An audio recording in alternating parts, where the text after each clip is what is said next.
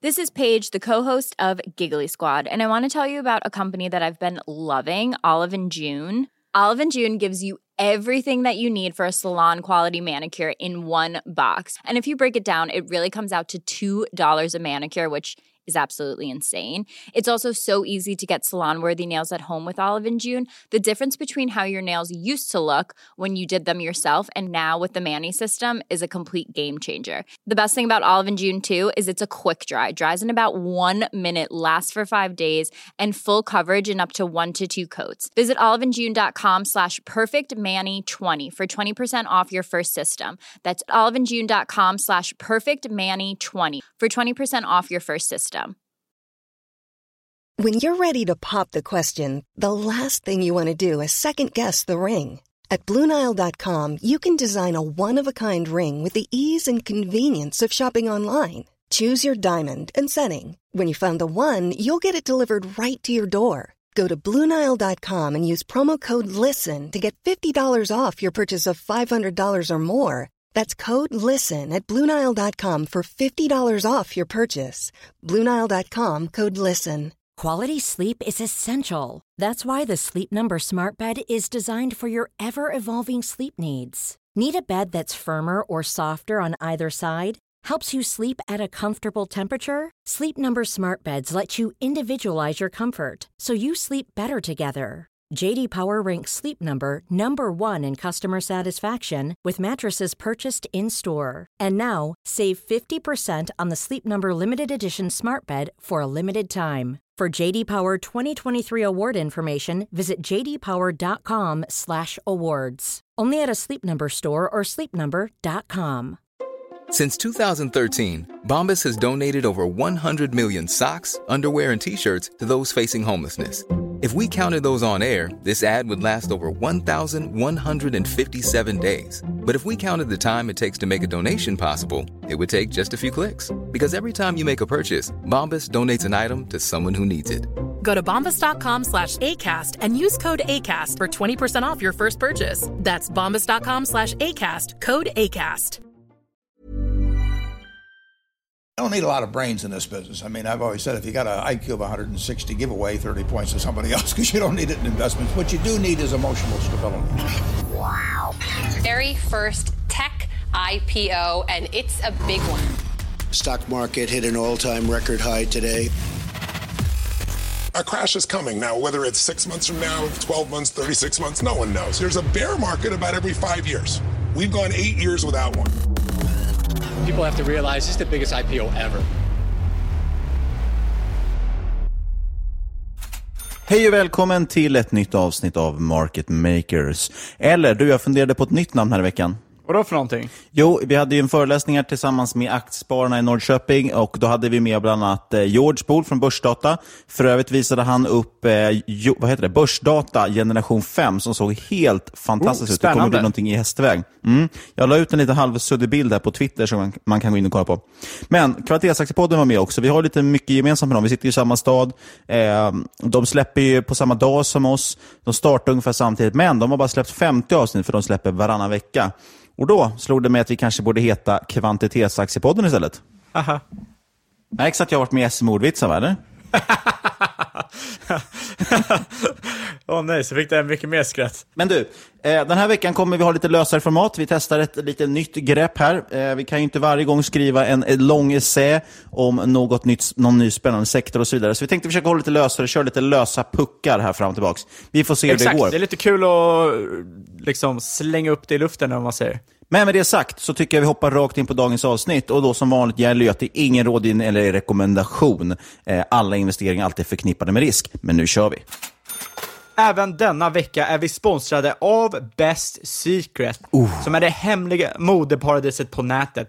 Ett fint sätt att säga att det är fantastiska märken till fantastiska priser.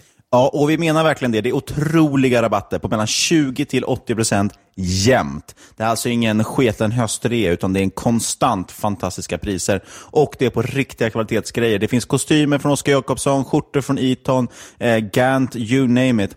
Och redan nu har ju flera av er faktiskt anmält er på sajten. Det är ju superkul. Men Glöm inte bort, Best Secret uppdaterar faktiskt med 500 nya produkter varje natt. Så här måste man hela tiden gå in och hålla koll. Det kommer nya grejer konstant. Ja, kanske tecknade ni och sålde EQT idag och gjorde en liten fin vinst i dagens uppgång. Kolla då in Best Secret och se hur du kan sätta sprätt på de slantarna. Men då undrar folk, vad är haken? Det finns ju ingen så kallad gratis lunch. Jo, man måste bli inbjuden till den här sajten och Alltså vilken grej, det har ni blivit nu. Om ni går in på bestsecret.se marketmakers i ett ord, så registrerar ni där, sen kan ni få ut liksom tillgång till hela det här utbudet. Då. Man måste faktiskt registrera sig för att få se det och det är helt enkelt för att det är så otroliga priser. De får inte skylta med priserna hur som helst annars. Exakt, och länken ligger i avsiktsbeskrivningen. Avsiktsbeskrivningen. Avsnittsbeskrivningen. Var låg länken? I avsnittsbeskrivningen. Men den är väldigt enkel att komma ihåg. Det är bestsecret.se slash marketmakers. Det är alltså bestsecret.se slash poddnamnet och det är marketmakers. Och Jag vill dessutom den här veckan faktiskt slå ett litet slag här, för att det finns faktiskt mer saker än bara kläder. Eh, för våra vin eller kanske ginälskande lyssnare kan jag med att jag själv har köpt hem en uppsättning otroligt fina gin och tonic-glas. Dessutom finns det faktiskt flera vinglas från ett välkänt märke för konnässörer. Jag vet inte om vi får nämna märket, så att det jag föreslår är att ni, att ni går in på bestcirkel.se marketmakers och så söker ni på vinglas. Då kommer ni se vilka jag menar och så kommer ni bli mycket, mycket gladare. Vi säger stort tack till Best Secret. Ja, Fabian, vad står på din härliga lista då? Vad vill du prata om den här veckan? Ja, dagens stora nyhet är väl att EQT börsnoterades eh, dagen vi spelar in detta. Hur mycket tjänar du? Jag tjänar noll kronor på det här, för eh, jag sökte inte tilldelning. Hur mycket tjänar du på det här? Jag tjänade så mycket som alla andra avansianer tjänade ungefär. Eh, för som jag förstod det så fick alla tilldelning på 150 stycken aktier oavsett hur mycket man hade tecknat för. Så det blev några kebabpizzor i alla fall. Ja, men det är nice. Om ni inte har följt EQT idag, så det stängde 34% över teckningspriset och ja, det är väl Anon som har suttit och tryckt upp de här priserna. Och, eh... ja, det här är ju segt. Vi, vi, eh, jag trodde ju inte att den gick så mycket, utan jag sålde ju fem minuter ungefär efter öppna. Då fick man 20 procent. Eh, det får väl räknas godkänt tycker jag på fem minuter, men det hade varit ännu roligare med 34 procent. Så det var lite, lite surt att höra de siffrorna. Ja, alltså rent allmänt så tycker jag att det är lite konstigt att alla sparare sitter och liksom trycker ut att EQT är någon eh, sån här given investering. För eh, det är ju en väldigt stor skillnad på EQT och ja, till exempel Investor som många gillar, eh, även fast många kanske inte verkar inse det. EQT, ja, de ligger ju bra för att många liksom, andra typer av fonder och eh, privatpersoner har ju haft ökad allokering till just private equity. Men dels så har de en väldigt gammal modell, de har en 220 avgiftsmodellen. Dessutom kräver de ju en bra exitmarknad som gör att hela affärsmodellen är ju cyklisk. De vill till exempel kunna börsnotera sina bolag eller sälja dem vidare efter de har köpt upp dem och jobbat lite med dem. Eh, eller jag... nu när man gör en total exit och säljer ut, kränger ut hela bolaget på börsen i princip. Ja, men exakt. Uh, och det är ju inte helt liksom, ovanligt det heller. Man kan ju kolla på lite andra typer av PE-bolag i uh, förra finanskrisen. Uh, det gick ju superbra för dem då. Och ja, förutom då att själva affärsmodellen är cyklisk så sitter ju även bolaget själv på mycket cykliska aktier bara till, tillägga det också, alltså, man vill ju gärna vara lite contrarian med sådana här case såklart och inte tycka som alla andra. Eh, det alla andra verkar tycka är det, delvis finns det många som tycker att det här är en given investering, men det är också många som tycker att nej, man ska inte investera någonting. Nu är det private equity som vill ut och de ska man inte gå emot. Det är smart folk som driver equity, duktiga folk. De har ju skapat otroliga rikedomar. Eh, och jag, jag kan ändå inte hålla med om att, eller jag kan ändå inte göra något annat än att hålla med. Att jag tycker att man ska hålla sig lite undan för det här med tanke på att, som sagt, de är smarta. Om de vill sälja ut det här, ja då finns det en anledning till att de gör det. Jag tror nog på sikt, de stora vinnarna på det här, det är ju fortfarande de som har ägt Investor-aktier. Eh, den, jag såg att nu handlas till ungefär 18% rabatt tack vare den här stora uppgången i EQT. Eh, de tror jag gjort, har man varit lite långsiktig där och ägt ett tag, så tror jag där gör man väl klippet. Medan man kan göra lite mer korta spekar på EQT, som i det här fallet vid noteringen. Absolut, jag håller helt med. För Grejen är, man ska inte heller glömma bort hur börsen fungerar numera. Vi har ju liksom vi har pratat rätt mycket om venture capital och private equity i den här podden, så har man hängt med ett tag så vet man att det är inte så svårt att få tag i pengar. Och då kan man ställa sig frågan, börsen förr i tiden var ju ett instrument för att eh, i stort sett kunna få mer pengar till bolaget. Nu när inte det behövs, varför använder man då börsen? Ska man vara lite cynisk då, då är det för att kanske vissa som sitter och håller på de här aktierna vill lasta av sitt egna. Eh, sina egna aktier för att få lite likviditet hos sig själva. Så man måste ju alltid tänka liksom en vända extra. Varför lastar de av här nu? Ja, precis. Var, varför blir du erbjuden att bli delägare i det här bolaget? Eh, George där från Börsdata igen, han nämnde faktiskt en, en bra grej på, på föreläsningen. Då. Han nämnde att 400 bolag har kommit till svenska börsen eh, den senaste treårsperioden ungefär. Det är rätt mycket bolag och majoriteten av de här går inte med vinst. Eh, majoriteten är så kallade förhoppningsbolag på olika sätt som lever på att göra nyemission på nyemission på nyemission. Eh, han hade en lite rolig bild, jag vet inte vem som är bakom det, men han gjort om Rädda Barnen hade man gjort om till Rädda förhoppningsbolagen. Man då kunde månads, eh, vad heter det, månadsgivare till ett bolag som behövde, gjorde nyemissionen. Tyckte jag var lite roligt. Exakt, och jag har sett folk som har jämfört det här med, ja men Microsoft börsnoterades och sålde Bill Gates aktier och Um, Apple börsnoterade och sålde, uh, vad fan hette han då? Han som dog i cancer. Steve Jobs. uh, Steve Jobs, ja. att, att man tapp... Eller menar du Bob Marley? Ja, Bob Marley menar jag. Men det är ju inte alls samma börsklimat nu och det är inte alls samma läge vi sitter i. Uh, så helt enkelt, sitter man lång EQT så börjar man tänka en, jag säger inte att det är dåligt köp, men jag säger att det inte alls är samma sak som att handla om de här aktierna. Eh, och, och såklart kan det ju gå precis lika bra som gjort för Amazon, Google eller Facebook. Eh, men poängen är att några av de här bolagen kommer såklart bli vinnare på sikt. Men man bör vara väldigt noggrann och lite mer skeptisk mot bolag som precis är nya på börsen jämfört med de som har funnits i kanske 20, 30, 40 år på börsen. Så är det absolut. Det, det finns ju väldigt få bolag som säljs undervärderade in på börsen. All, alla bolag tar ju hjälp av investmentbanker för att försöka sälja ut, såklart, sälja ut sig så dyrt som möjligt, för man vill ju få ut så mycket. Det här är inte någon välgörenhet. De vill inte göra dig rik, de vill göra sig själva rika. Det är bara så det fungerar i liksom kapitalistiskt samhälle. Och då måste man ju tänka, varför säljer de det här till mig? Är det verkligen ett bra, eh, ett bra köp? lyssnar man på Charlie Munger, så han skulle aldrig köpa en ny IPO för de är i stort sett alltid övervärderade. Och jag säger inte att EQT är övervärderat, men det är relativt kraftigt värderat för det typ av bolag där, speciellt om man kollar på börskollegorna som till exempel KKR och Blackrock. Ja, ska vi kika lite närmare på dem kanske och jämföra mot EQT? Ja, det kan vi väl göra. Eh, EQT då, då de eh, noterades på typ 60 miljarder kronor och har eh, cirka ja, 400 miljarder fee-paying assets i assets under management. Det är alltså, eh, det här är spritt på 19 fonder där har de cirka 50% i private capital och sen 35% i eh, real assets och resten i krediter. Och eh, majoriteten av avkastningen kommer då från private capital. De har en eh, avkastning där per år på cirka 20%, cirka 20% på de real assets också och eh, strax över 10% på krediterna. Så det är ju inte så pjåkigt. Men marknaden förväntas endast växa, det här är enligt EQT själva, förväntas ju endast växa 10% eh, de kommande åren. Dessutom kommer 98% av intäkterna från management fees. Och då kan man ju liksom tänka sig lite, hur ser uppsidan ut framöver? Tar man då market capet innan dagens stängning på 2018, eh, 2018s resultat, ja då får man ett P på 44. Extrapolerar man H1 2019, som har växt väldigt kraftigt, då får man ett market cap på typ 37. Och det här borde vara rätt, eh, givet att jag inte räknat fel, men för säkerhets skull borde man alltid anta att jag har räknat fel.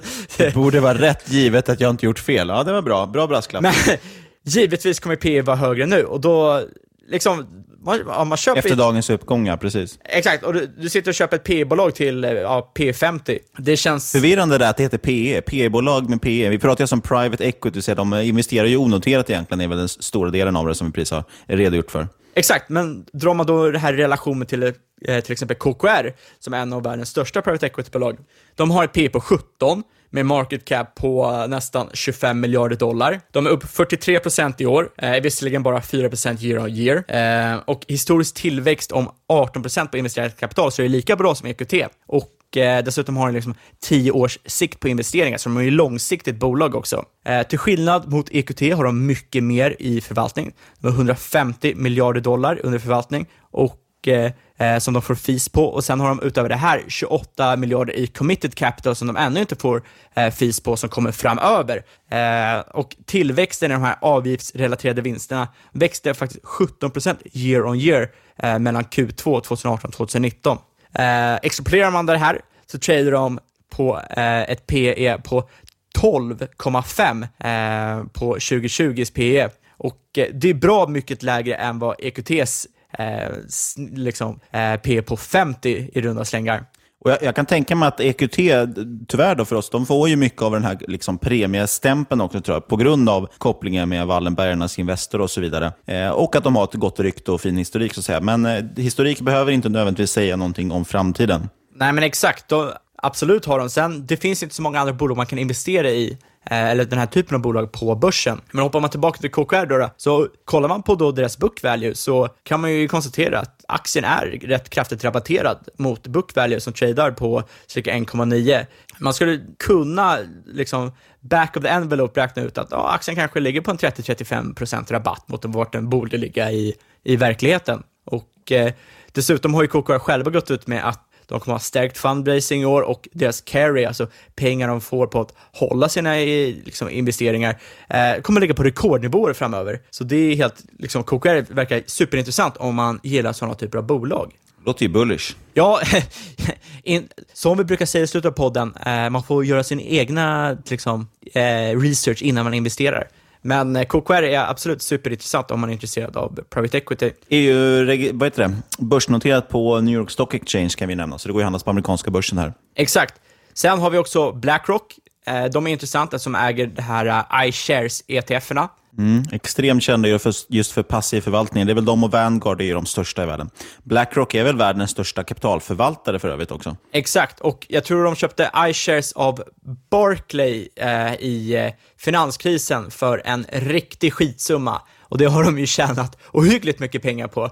Det måste vara en av tidernas bästa investeringar för dem. Dessutom äger de en riskplattform som heter Aladdin, som är väldigt ja, förbisedd. Det är inte så många som tänker på den när de sitter och kollar på Blackrock, men det här börjar bli en allt större del av deras verksamhet. Eh, Blackrock, de har stabil vinsttillväxt, de, det är liksom bra värde för pengarna, de har stabil yield på 3%. Dessutom växer de väldigt bra, likt EQT, likt eh, KKR.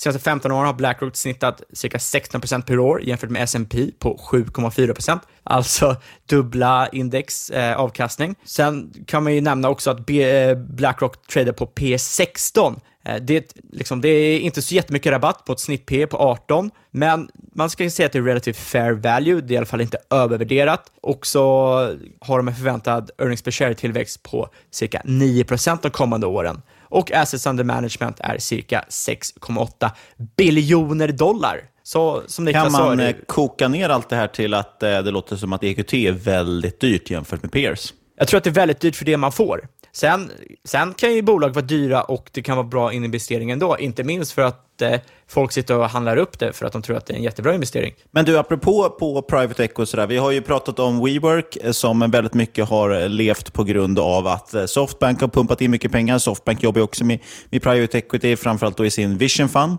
eh, där de tog väl in, det var väl 100 miljarder dollar i kapital. Sen ska de ju lansera en till, pratar de om. Vi får väl se hur det går med det. Eh, jag tänkte bara följa upp kort. Jag tyckte det var lite roligt. Det är, alltså, det är ju nya vindar som blåser i Silicon Valley eh, till viss del. Det är ju framförallt WeWork känns verkligen som att det börjar vara det som kanske tar lite på den här äh, nu IT-bubblan, eller vad man skulle vilja kalla det för. Eh, vi har ju sett nu, vi pratade ju om, om WeWork, eh, Fraud as a Service, vi pratade om deras vd och så vidare. Eh, först backade då Softbank och sa att nej, vi vill inte göra någon IPO. Eh, kommer jag inte ihåg värderingen i huvudet, men eh, man skrev ju ner det här med att man skulle få göra en nedskrivning på ungefär 50% från senaste eh, finansieringsrundan, vilket hade varit ett hårt, hårt slag. Ju. Så att man valde ju att, att backa nu med, med noteringen av WeWork. Och dessutom, senaste nytt nu är att man faktiskt, eh, det är flera stycken i, i, på, vad heter det? Eh, directors nu i The We Company som vill avsätta också eh, Adam Newman, alltså vdn i WeWork. Ja, det är lite roligt. Jag jag undrar hur de ska göra då, ja men som vi sa i WeWork-avsnittet, när i stort sett allting handlar om Adam Newman eh, i prospektet. Och framförallt är det ju märkligt ändå om man tänker på hur det här har gått till. Alltså man har inte ens försökt dölja att man lurar folk i princip.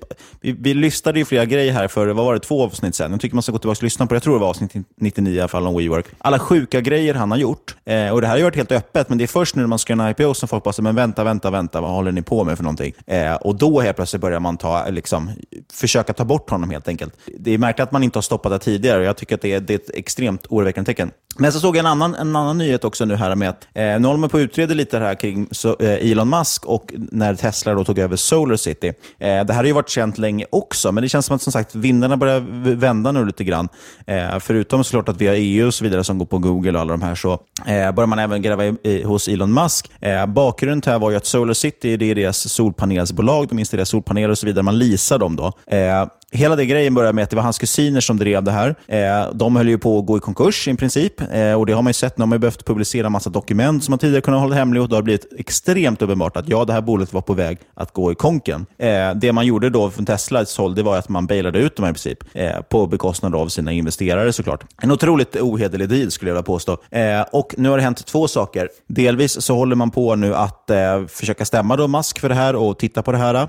Och dessutom så var det ju så att man har installerat massa solpaneler till Walmart, eh, vilket är, måste ju vara en fantastisk fin kund att ha. Och flera av de här har ju tänt, eh, börjat brinna helt enkelt. Så att Walmart ska ju också nu eventuellt stämma Tesla för det här. Det kan bli rätt blodigt och det händer lite grejer då helt enkelt. Så att eh, det Niklas försöker få fram är att han var inte så dum som började korta Tesla för två år sedan ändå. Nå- någonting i den stilen. Någonting i den stilen. Jag kommer Ja, tjäna är pengar ändå på det till intressant. slut! Det är ju så här, vi, vi har ju tjatat om det här och, och vi ska liksom inte hålla på och tjata om att det är någon bubbla och så vidare. Eh, det finns bra bolag, det finns dåliga bolag. Poängen är att det finns några bolag som är eh, lite galna. Och nu pratar jag inte generellt möjligtvis om, te- nödvändigtvis om Tesla, men som WeWork och så vidare, där, där värderingarna är helt galna. Ja, Eh, och allt det handlar ju om... Vissa kollar ju på Wahlgrens värld, vissa kollar på Kardashians, och så vi som lyssnar på den här podden och pratar i den också. Vi kollar på WeWork och grejer och Tesla, det är ju superkul. Ja, och, och nu har vi sett, och, och, och- eller det jag skulle säga att det det ofta handlar om är ändå story och sentiment. Vad är investerare villiga att gå med på egentligen? Och tidigare har man inte brytt sig riktigt om värderingen, men man har ju sett senaste året nu när, när Lyft noteras, när Uber noteras, eh, det går väldigt svagt för de här bolagen. Så det känns någonstans som att verkligheten börjar komma ikapp. Och eh, säg inte att man ska gå ut och korta Tesla eller WeWork eller vad det kan vara, utan det, men det är en intressant eh, notering ändå att vi ser att sentimentet börjar ändå sakta men säkert skifta, upplever jag i alla fall. Absolut, och det är inte ens att det börjar skifta. Jag tycker liksom att det, har- det känns som det har varit ett tag nu där att man märker att de här bolagen, de vill ju lasta av eh, rätt ordentligt och marknaden tar inte emot det här så jättebra, helt enkelt. Precis. Eh, men du hade ju också där tror jag något lite contrarian case, apropå det här med att vara, eh, när sentimentet ändras. Nej, jag har inte alls något contrarian case. Det är väl det att vi har fått eh, lite frågor om europeiska banker. Frågan är liksom, är det dags att köpa eller är det en value trap? Och tänkte att man kanske ska kommentera det lite snabbt. Eh, du har ju många banker, till exempel Deutsche Bank, allas favoritbank. Så vi var och besökte en gång i London samma dag som de fick de här jätteböterna. Det var lite roligt. Ja. Jag, satt ju kort, jag vill minnas att jag satt kort... Eh, eh, nej, fan, jag, nej, så tvärtom var det. Jag köpte ju, för jag tänkte att de här böterna kommer inte bli stora. Så jag, jag köpte ju den när vi satt, medan vi satt på deras kontor. tyckte jag var lite roligt. Men jag tror, jag tror du gick ut på plus på det ändå. Ja, den gick ganska bra för mig. Men jag hade kunnat gå ännu bättre om jag hade väntat, för den, den vände ju rätt rejält. Exakt. Eh, Ibland har man rätt. Inte så ofta, Eh, men någon gång. Eh, om det är någon som lyssnar här så har vi alltid rätt, så gör alltid exakt som vi säger. Eh, nej, jag skojar bara. Men eh, i alla fall, många av de här bankerna har ju eh, skulder som är långt över deras market cap. Deutsche till exempel har ju 16,5 miljarder eget kapital, eh, men har cirka eh, 611 miljarder i skulder. Det är alltså 10 gånger så mycket i skuld som i eh, eget kapital. Det, det är ganska mycket. Jag vill bara kommentera det. Absolut, det är helt enkelt många av de här bankerna har utvecklat väldigt kast de senaste året och det finns ju flera anledningar. Vi har snackat rätt mycket om det här tidigare. Eh, dels växer Europas ekonomi väldigt långsamt, det växer långsammare än USAs. Det finns liksom ingen umf där. Ehm, dessutom är marknaden i Europa väldigt fragmenterad, speciellt över gränser. När man drog igång euron så tänkte man ju att det skulle konsolideras lite, du skulle få liksom, verksamhet över gränserna på ett helt annat sätt än vad som liksom, hänt. Och det gör ju att bankernas liksom, tillväxtpotential gränsas ju, avgränsas ju väldigt mycket. Framförallt så har ju många länder också haft en platt yieldkurva i flera år och eftersom banker förlitar sig på räntemarginaler för att tjäna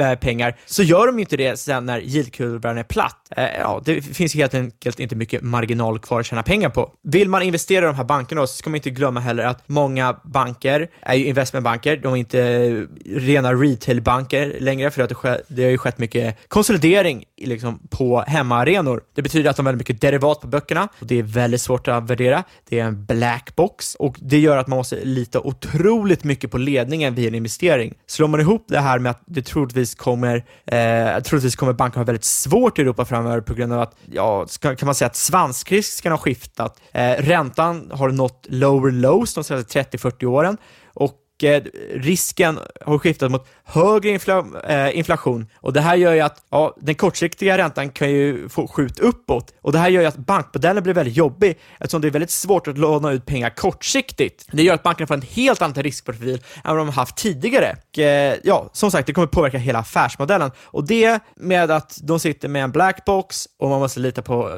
ledningen som tidigare inte varit så jätte, jättepålitlig för många banker. Vad var det här han Citibanks ledare sa strax innan finanskrisen, Niklas? Han ska dansa så länge musiken spelar. Ja, exakt. En månad senare så brast allting. Ja, det gör ju att det känns rätt osäkert att plocka upp många europeiska banker. Speciellt Fast, som de fast är det beror svåra på. det. För, ja, för Deutsche då, alltså, de har ju ändå ganska hyfsat P tal på 670 ungefär. Jag, vet, jag tycker att det låter bra. Ja, men som sagt, det, det finns säkert flera contrarian-fall, men det är inte som så att det är någon given värdeinvestering. Vet du vad det blir för earnings yield på om man har ett P på s- 670? Ja, vad blir det? Ja, det blir ungefär en- 0,15 procent. Oh, wow! men man behöver ha så låg earnings yield som möjligt. Ja, nå någonting av den stilen har jag hört talas om att man ska ha. Ja. Ja, det är... Jag undrar vad som kommer hända med Deutsche. Alltså, det, det, det kommer bli väldigt intressant. Men det är intressant det här med, med banker och eh, framförallt det här med som säger, det är blackbox. Och, och, alltså det som händer är ju att man har ju den här, vi ska inte kommentera för mycket på det, men det har varit mycket snack om, om repomarknaden i USA. Eh, det vill säga marknaden där man i princip kan gå in och, och låna av Fed istället. Och där har vi haft det skjutit i höjden, den räntan, och Fed har behövt gå in och, och stödja då den marknaden. Eh, vi ska inte gå in på djupet på det med tanke på att vi, vi inte på något sätt kan påstå att vi förstår den särskilt mycket eller kan tyda signalerna. Faktum är att några av de mest briljanta liksom, eh, vad säger man, obligationskungarna och så vidare inte heller kan tolka det här, för det är väldigt svårt att veta vad som händer. Fed själva vet inte ens vad som pågår. Men någonting ser konstigt ut. Och senast det såg ut på det här sättet var ju faktiskt under finanskrisen, eller i samband med finanskrisen. För att, vad det här skulle komma till, eh, när man inte vågar längre lita på de andra bankerna, alltså när banker inte vågar låna av varandra, det är då man vänder sig mot Fed och vänder sig mot repomarknaden. Eh, så det är ett intressant så här, varningstecken eller signal som har skjutit upp. Och Jag tänkte ändå att vi skulle faktiskt gå in lite på makro och, och så där prata lite generellt om just lite signaler, för det dyker ändå upp siffror hela tiden och just nu är det, jag vet inte, vi pratade om det här med sentiment också, står det förut och det känns som att det börjar vända vindarna. Samtidigt så är många fortfarande väldigt sådär, det är ändå många som biter sig fast vid att men marknaden är fortfarande stark. Eh, men jag vet inte, någonstans börjar det ändå bli uppenbart nu även för de mest inbitna optimisterna att lågkonjunkturen är här. Vi såg till exempel nu i Tyskland, fick in nya PMI-siffror som faktiskt låg ner hela nere på 41,4 ungefär. Eh, och det är ett ganska kraftigt fall. Det är helt enkelt usla siffror. Eh, och man skyller som vanligt på handelskrig och så vidare. Men det är inte bara det, det är ju också att vi har en cykel. Det är inget konstigt, det är ingens fel och så vidare. Eh, sydkoreansk export, det är ju roligt. Den, den pratade vi lite om förra året och den har ju visat sig korrelera extremt väl med eh, liksom världsmarknadens vinst per aktie eh, 12 månader framåt. Då. Eh, där har då den sjunkit ner till hela 30, minus 13 procent year over year. Eh, tittar man på den här grafen så ser det faktiskt fruktansvärt ut. Så att det, det är mycket som tyder på det här vi har pratat om, att vi under Q3 kommer börja få se en riktig då, så kallad profit recession, det vill säga en, en vinstrecession, vinsterna sjunker. Eh, då är det många dock som pekar på att ja, men USA det är det enda starka kortet och vi ser också det är en av få marknader som verkligen håller emot. Det som är lite problemet där, det är att man pratar ofta om att man har den starka konsumenten i USA. Det har varit något som att till exempel var lite bullish, att man tycker konsumenterna verkar fortfarande positiva. Problemet är att det är företagen, alltså de har reviderat ner sina vinster. Som sagt, för Q3 kommer de antagligen kom in med negativ tillväxt. Vi har redan nu sett att det börjar sakta ner i två kvartal. Eh, någon gång kommer de här företagen börja skära kostnader. Vi har ju pratat om det här med löneinflation och så vidare, att det kommer komma. Det drabbar ju i slutändan de anställda eh, och då kommer ju såklart de bli sämre konsumenter. Eh, och Därför tycker vi att det är viktigt att kolla kanske på företagen istället för konsumenterna. Eh, allt det här kan man koka ner att ja, men hur gärna man ändå vill hoppas liksom på att Fed kan trycka pengar. Ja, de kan trycka pengar, men de kan inte trycka upp några bolagsvinster. Eh, det enda de här sänkta räntorna faktiskt gör, ja, det är att de uppmuntrar bolagen till att belåna sig ännu mer. Och som vi återigen, det känns som jag tjatade mycket om förra hösten, jag vet inte varför. Eh, det var för att det är ett liknande scenario, men eh, då var ju 16 procent av alla noterade bolag i USA så kallade zombiebolag enligt Bank eh, for International Settlements. Det vill säga bolag som inte kan göra någonting annat än att betala sina egna räntor. Och Kommer du ihåg Fabian, vad, vad pratade vi om i, i förra hösten att man skulle köpa för någonting tyckte vi? Eh, förra hösten, uh, det enda jag kommer ihåg är att när vi pratade om Kina-aktier, sen gick det åt helvete i Kina. Men efter det så pratade vi om defensiva aktier. Eh, och precis nu som då så upprepar vi ungefär samma uppmaning. Vi tycker att man kan kolla in defensiva bolag. Eh, de har stått emot väl. I Sverige ser vi att många av de här redan börjat pressas upp rejält. Folk har ju lytt det här rådet, om man ska säga, eller tar, eh, följer de här eh, idéerna helt enkelt. Eh, vi har ju sett ICA, de handlas till sanslösa P27. Det är faktiskt helt otroligt. Eh, då tycker jag att det kanske är vettigare att vända liksom blicken då mot över på andra sidan Atlanten. Titta på amerikanska bolag. Eh, två tips där då, det är att kolla in ETFerna XLU. De har ju utilitiesbolag, alltså infrastruktur, energi och så vidare. Eh, och Sen har man VNQ som är rates. Då, så. Poängen är att i de här ETFerna kan ni hitta en korg med bolag som är värda att kika på. De stod emot väldigt bra förra hösten och de har stått emot även nu när det har varit sämre tider. De dagar det har varit sämre på börsen helt enkelt. Exakt, för att vi förespråkar ju aldrig att man ska ta sina pengar och stoppa in dem i madrassen. Däremot ska man ju alltid vara med, eh, medveten om vad som kan hända. Det är som att kör aldrig bil utan säkerhetsbälte. Precis, you can't predict but you can prepare, som Howard Marks sa. Och sen då såklart, när, en lågkonjunktur faktiskt börjar, när lågkonjunkturen sen börjar bottna ur, ja då är det ju hög tid att börja köpa cykliska bolag och plocka på sådär. Men det här är intressant, om man tittar tillbaka då historiskt på eh, hur det har sett ut när lågkonjunkturen bottnat ut förut. Eh, och Då är det egentligen några få, få tillfällen där faktiskt cykliska bolag gått riktigt, riktigt bra. Och det, har när det, varit, det är när marknaden har varit helt överens om att nu har vi en recession eller en lågkonjunktur. Då vet alla att okej, okay, nu ser det illa ut. Då börjar man kolla på cykliska bolag och titta när börjar de se billiga ut? Ja, då vill man äga dem. Problemet är situationer som nu, när inte marknaden är överens som sagt. Vi har liksom halva sidan tycker att ja, men jordens undergång på väg och andra halvan tycker att allt är guld och gröna skogar för, för man ska köra QE och så vidare. När börsen inte har enats om huruvida det är en recession eller ej, så småningom kommer alla bli överens om vad som pågår. Eh, och Då finns det risk att det blir en snabb, snabb inprisning av det här scenariot. Och Det är den egentligen vi är rädda för, som vi då förbereder oss för genom att köpa kvalitativa bolag istället, med fina balansräkningar och så vidare. Ja, och en till sak som jag tycker är väldigt intressant med just den kommande finanskrisen. Nej, men just det börsläget vi är i nu. Man brukar skämta och säga “this time is different”, haha. Men det är ju verkligen “this time is different”. Det är ju aldrig tidigare vi har levt i ett sånt här klimat där vi har social media till exempel. Jag tror aldrig liksom folk har varit så välbildade inom börsen som i alla fall privatpersoner kan vara just eh, idag någonsin tidigare. Jag tror aldrig den här typen av eh, information om marknaden och hur det ser ut makromässigt och värderingar på bolag, det har aldrig nått ut så brett till människor, så jag vet liksom inte hur, det är också en stor fråga man kan ställa sig, hur kommer det här påverka? Man jag kan vet ju inte hoppas, alls. Alltså, nej, det är såklart, många kommer ju som alltid bli rädda i en börskrasch och tro att nej, men det här sket sig. Eh, men jag hoppas ändå att många har hunnit förbereda sig så pass mycket tack vare olika personer som antingen som vi som uppmuntrar till att vara, förbereda sig i förväg, eller de som uppmuntrar att nej, men var bara beredd att köpa stort liksom, när, det, när det blir billigt då, istället. Att man ser en krasch som en rea istället. Eh, jag hoppas att många kommer kunna dra nytta av de här olika liksom, delarna som sticker ut, att folk som du säger är förberedda och kanske mer pålästa. Eh, för man kan skapa bra lägen ändå i sådana. Sen, behöver inte vi, sen tror inte vi nödvändigtvis på en finanskris 2.0. Det är lite kortsiktigt eller lite historielöst att tro att ah, men varför, bara för att den förra kraschen såg ut på ett sätt så ska det se ut på samma sätt igen. Det finns inte alls någonting som säger att det behöver bli en krasch eller någonting. Men det finns ju en cykel hela tiden, så vi kommer antagligen ha en lågkonjunktur och det är inte så konstigt med det. Förhoppningsvis blir den ganska mild och det, så kanske det blir då med tanke på hur mycket man stimulerar. Exakt, en lågkonjunktur kommer alltid komma igen. Däremot behöver det aldrig komma en finanskris som 2008 igen. Eh, för det har aldrig hänt en, liksom, det har aldrig varit en finanskris som 2008 innan den hände. Så att. Eh, Nej, ska man väldigt, väldigt kortfattat, förlåt att jag hijackar här, men ska man väldigt, väldigt kortfattat säga vad vi tror, så är det ju som jag sagt där med Japan-scenariot, att vi tror på väldigt låga räntor och stimulanser lång tid framöver. Eh, och sen tror jag även att det som kanske kommer vara liksom triggern, eller det som kommer utlösa ja det är ju precis det vi ser nu, att private equity börjar bli lite oroliga. Vi ser startups som liksom börjar brista, att de här drömmarna inte visar sig vara sanna. Eh, och det kommer dra ner på investeringsviljan, eller riskviljan, att folk inte vågar helt enkelt pumpa in pengar i vilka bolag som helst, trots att pengarna mer eller mindre gratis. Det är det jag tror som kommer hända. Då får man ju någon form av lite avmattning och, och folk söker sig då till kvalitetsbolag eller defensiva bolag och så vidare. Absolut. Ja, man vet att man har poddat för länge när man eh, har samma åsikter. Så att eh, Niklas, du är utbytt till nästa avsnitt. Grattis! Okej. Okay.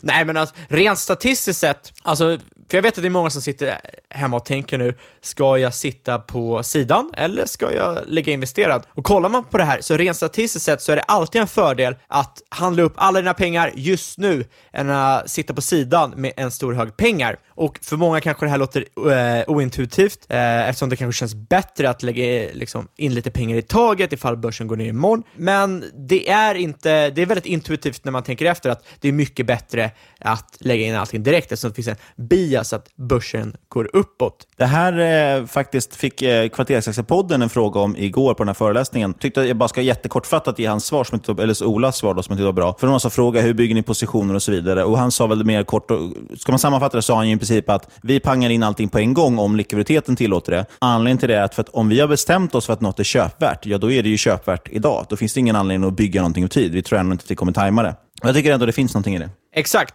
Eh, kollar man på det statistiskt så hade du investerat 100% obligationer nu, femåriga amerikaner, så skulle du historiskt sett ha en 50% sannolikhet att slå en 100% aktieportfölj. Det blir mycket procent. Det var mycket bättre än jag tänkte på det innan jag började prata om det. Men i alla fall, skulle du ha en hel äh, obligationsportfölj mot en hund som du investerar nu mot en 100% aktieportfölj som du investerar över 24 månader, kommer i 50% av fallen, eh, historiskt sett, obligationsportföljen faktiskt slå aktieportföljen avkastning. Och det är ju inte det som många tror eh, kan hända. Och det Poängen där, och för att förklara med procentsatsen, det helt enkelt är det att det övervinner att du tar någonting som antagligen ger lägre avkastning, men du köper allt på en gång.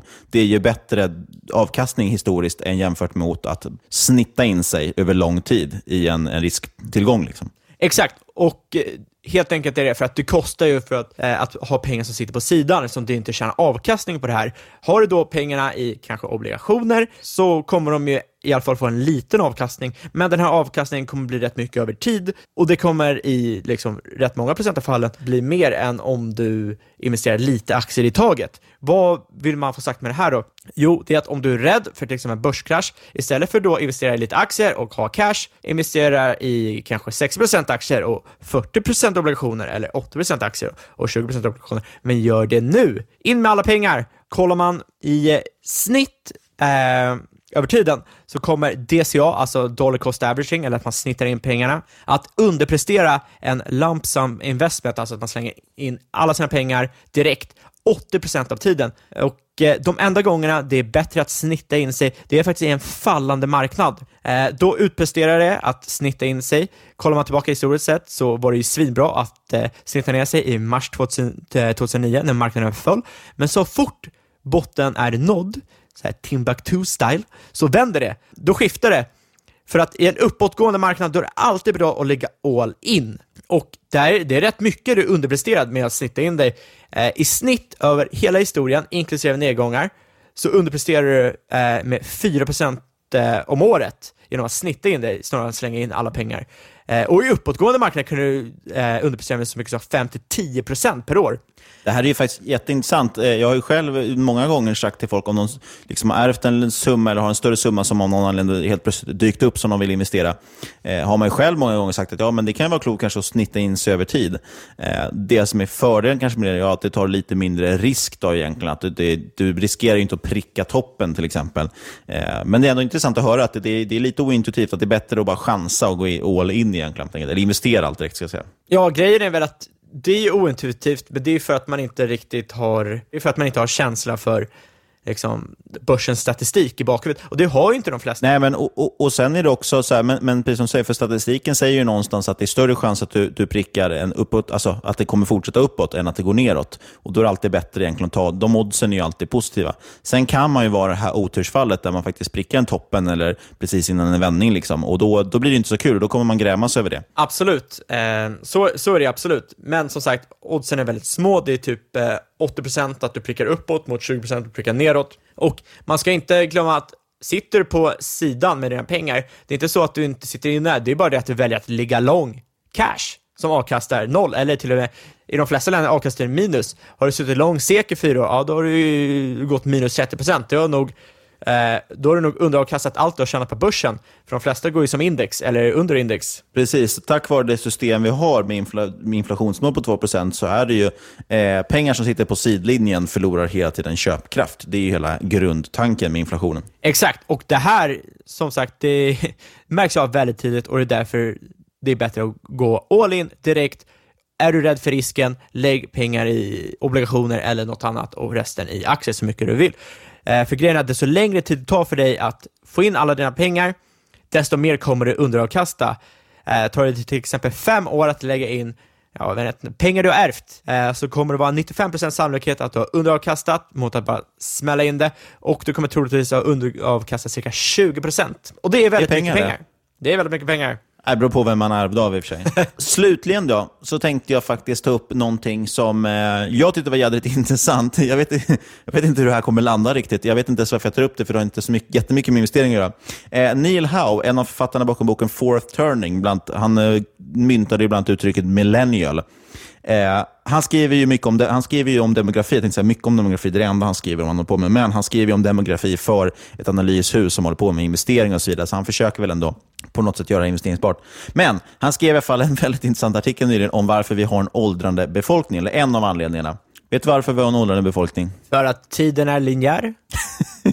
Men vi har ju tidigare haft en växande befolkning, exponentiell tillväxt. Ja, men jag tänker att ti tiden går ju snabbare desto äldre man blir, så jag vet inte. Ja, det har varit filosofiska rummet här helt plötsligt. Eh, jag skulle säga att det beror på två saker. Delvis blir folk äldre tack vare förbättrad kost, sjukvård och så vidare. Det här yttrar sig i saker som att till exempel Japan säljer mer vuxenblöjor än barnblöjor. Eh, men så är det också faktiskt så att unga skaffar färre barn. Eh, och Vi ser även desto rikare vi blir, desto färre barn skaffar vi. Det här kan man se till exempel följa statistiken på. Tittar man på folk som flyttar från utvecklingsländer eller mindre bemedlade länder till rikare länder så skaffar de sen senare mindre och mindre barn för varje generation. Men är det för att de är gamla eller är det någon typ av fetisch? Med, med vuxenblöjorna menar du? ja. Eh, jag låter japanerna svara på det. Det som Neil Hams artikel handlar om är ju varför unga skaffar färre barn. Det kan bero på flera saker. Och En av de anledningarna som han skrev om, som jag tycker är väldigt intressant, kanske då beror på att kvinnor har svårare att hitta män faktiskt idag. Eh, trots att vi anser oss så progressiva och jämställda och så vidare, så tenderar fortfarande faktiskt kvinnor att, så att säga, gifta upp sig. Eh, det vill säga, man letar efter män som tjänar bättre än en själv. Det här blir dock ett problem då, just för, problem. Ja, det, finns, det finns många, det, det är snårigt att ge sig in i det här ämnet känns som. Det finns risk att man trampar i klaveret känner jag. Fan, Men jag, du förstör tar... vår framtida, liksom, vi ska ju döpa om oss till PK-makers. Du kan inte prata om sånt här.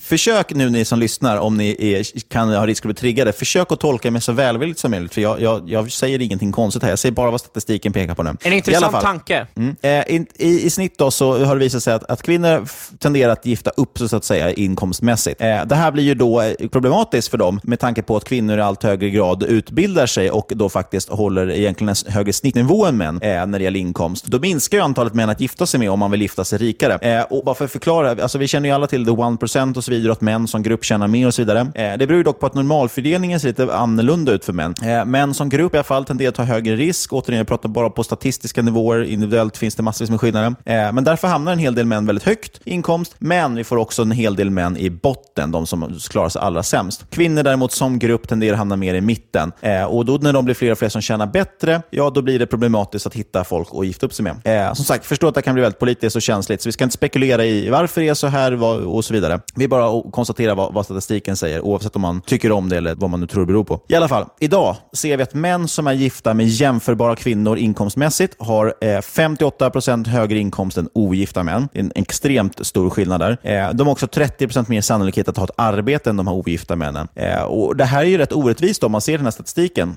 Eh, för som sagt, vi ser tydligt att kvinnor också med låginkomst gifter sig minst lika ofta som kvinnor med hög inkomst. Där är alltså fördelningen bättre så att säga. Eh, men för männen ser det annorlunda ut. Eh, enligt undersökningar faktiskt inte ens, är det inte alls ovanligt att kvinnor nobbar män på grund av att de inte är finansiellt stabila. Eller man, ska säga. Så man väljer bort män på grund av deras ekonomi. Det tycker jag är lite intressant ändå. Fast det hade jag också gjort. Jag hade nog nobbat en kvinna som är... Nu har jag som tur är en flickvän som är väldigt finansiellt stabil. Men hade jag inte haft det så hade jag givetvis nobbat en kvinna som inte är finansiellt stabil. Ja, men jag, jag fattar vad du menar och jag vill inte att ni ska gå vidare nu efter att ha lyssnat på det och tycka att kvinnor är orättvisa eller någonting, eh, som väljer bort mindre bemedlade män. Eh, studierna visar nämligen också att män, de väljer oftare bort kvinnor med hög utbildning och mycket pengar. Eh, så vi killar alltså då, enligt som grupp tydligen, väljer bort då kvinnor som är mer framgångsrika än själva, för det klarar inte vår självbild av antagligen då, eller egot och så vidare. Men det är i alla fall väldigt intressant och, och man kan ju kombinera, så det finns ju flera faktorer, till exempel att det kommit en trend att folk undviker att skaffa barn på grund av klimatet och så vidare. och så vidare. Allt det här mynnar ut att vi ser fler och fler orosmoln för bland pensionsfonder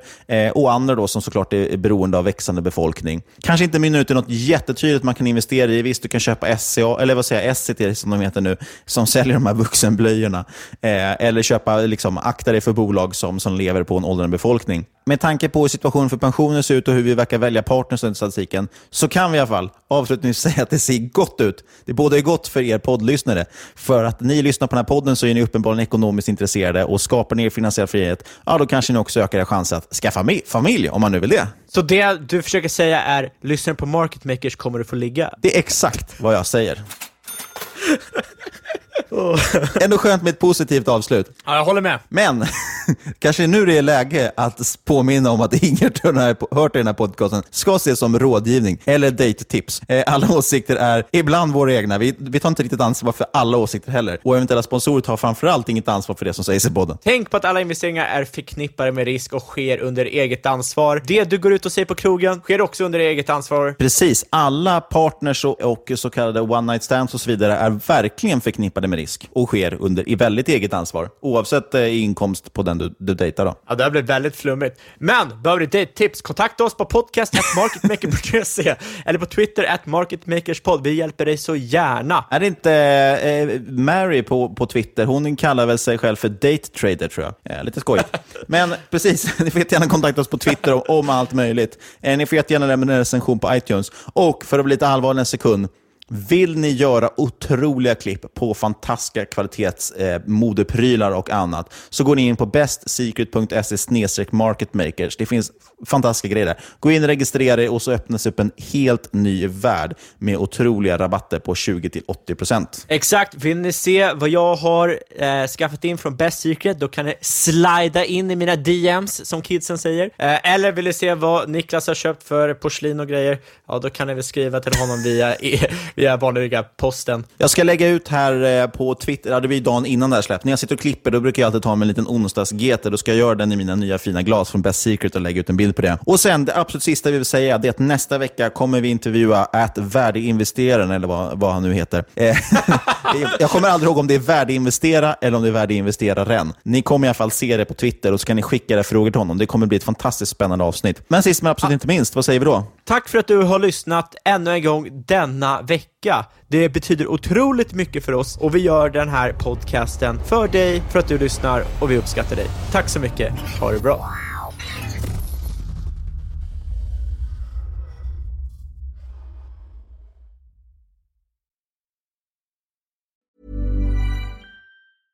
This is Paige, the co-host of Giggly Squad, and I want to tell you about a company that I've been loving, Olive and June. Olive and June gives you everything that you need for a salon quality manicure in one box. And if you break it down, it really comes out to $2 a manicure, which is absolutely insane. It's also so easy to get salon worthy nails at home with Olive and June. The difference between how your nails used to look when you did them yourself and now with the Manny system is a complete game changer. The best thing about Olive and June too is it's a quick dry, dries in about one minute, lasts for five days, and full coverage in up to one to two coats. Visit oliveandjune.com slash perfect Manny 20 for 20% off your first system. That's oliveandjune.com slash perfect Manny 20 for 20% off your first system. Many of us have those stubborn pounds that seem impossible to lose, no matter how good we eat or how hard we work out. My solution is PlushCare.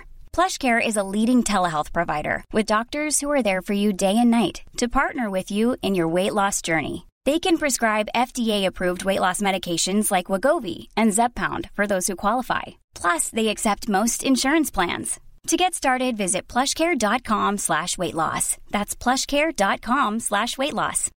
Millions of people have lost weight with personalized plans from Noom. Like Evan, who can't stand salads and still lost 50 pounds. Salads generally for most people are the easy button, right? For me, that wasn't an option. I never really was a salad guy. That's just not who I am. But Noom worked for me. Get your personalized plan today at Noom.com. Real Noom user compensated to provide their story. In four weeks, the typical Noom user can expect to lose one to two pounds per week. Individual results may vary.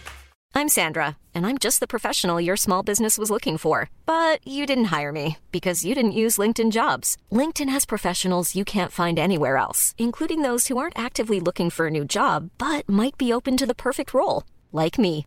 In a given month, over 70% of LinkedIn users don't visit other leading job sites. So if you're not looking on LinkedIn, you'll miss out on great candidates like Sandra. Start hiring professionals like a professional. Post your free job on linkedin.com/people today. One size fits all seemed like a good idea for clothes. Nice dress. Uh, it's a it's a t-shirt. Until you tried it on. Same goes for your healthcare. That's why United Healthcare offers a variety of flexible, budget friendly coverage for medical, vision, dental, and more. So, whether you're between jobs, coming off a parent's plan, or even missed open enrollment, you can find the plan that fits you best. Find out more about United Healthcare coverage at uh1.com. That's uh1.com.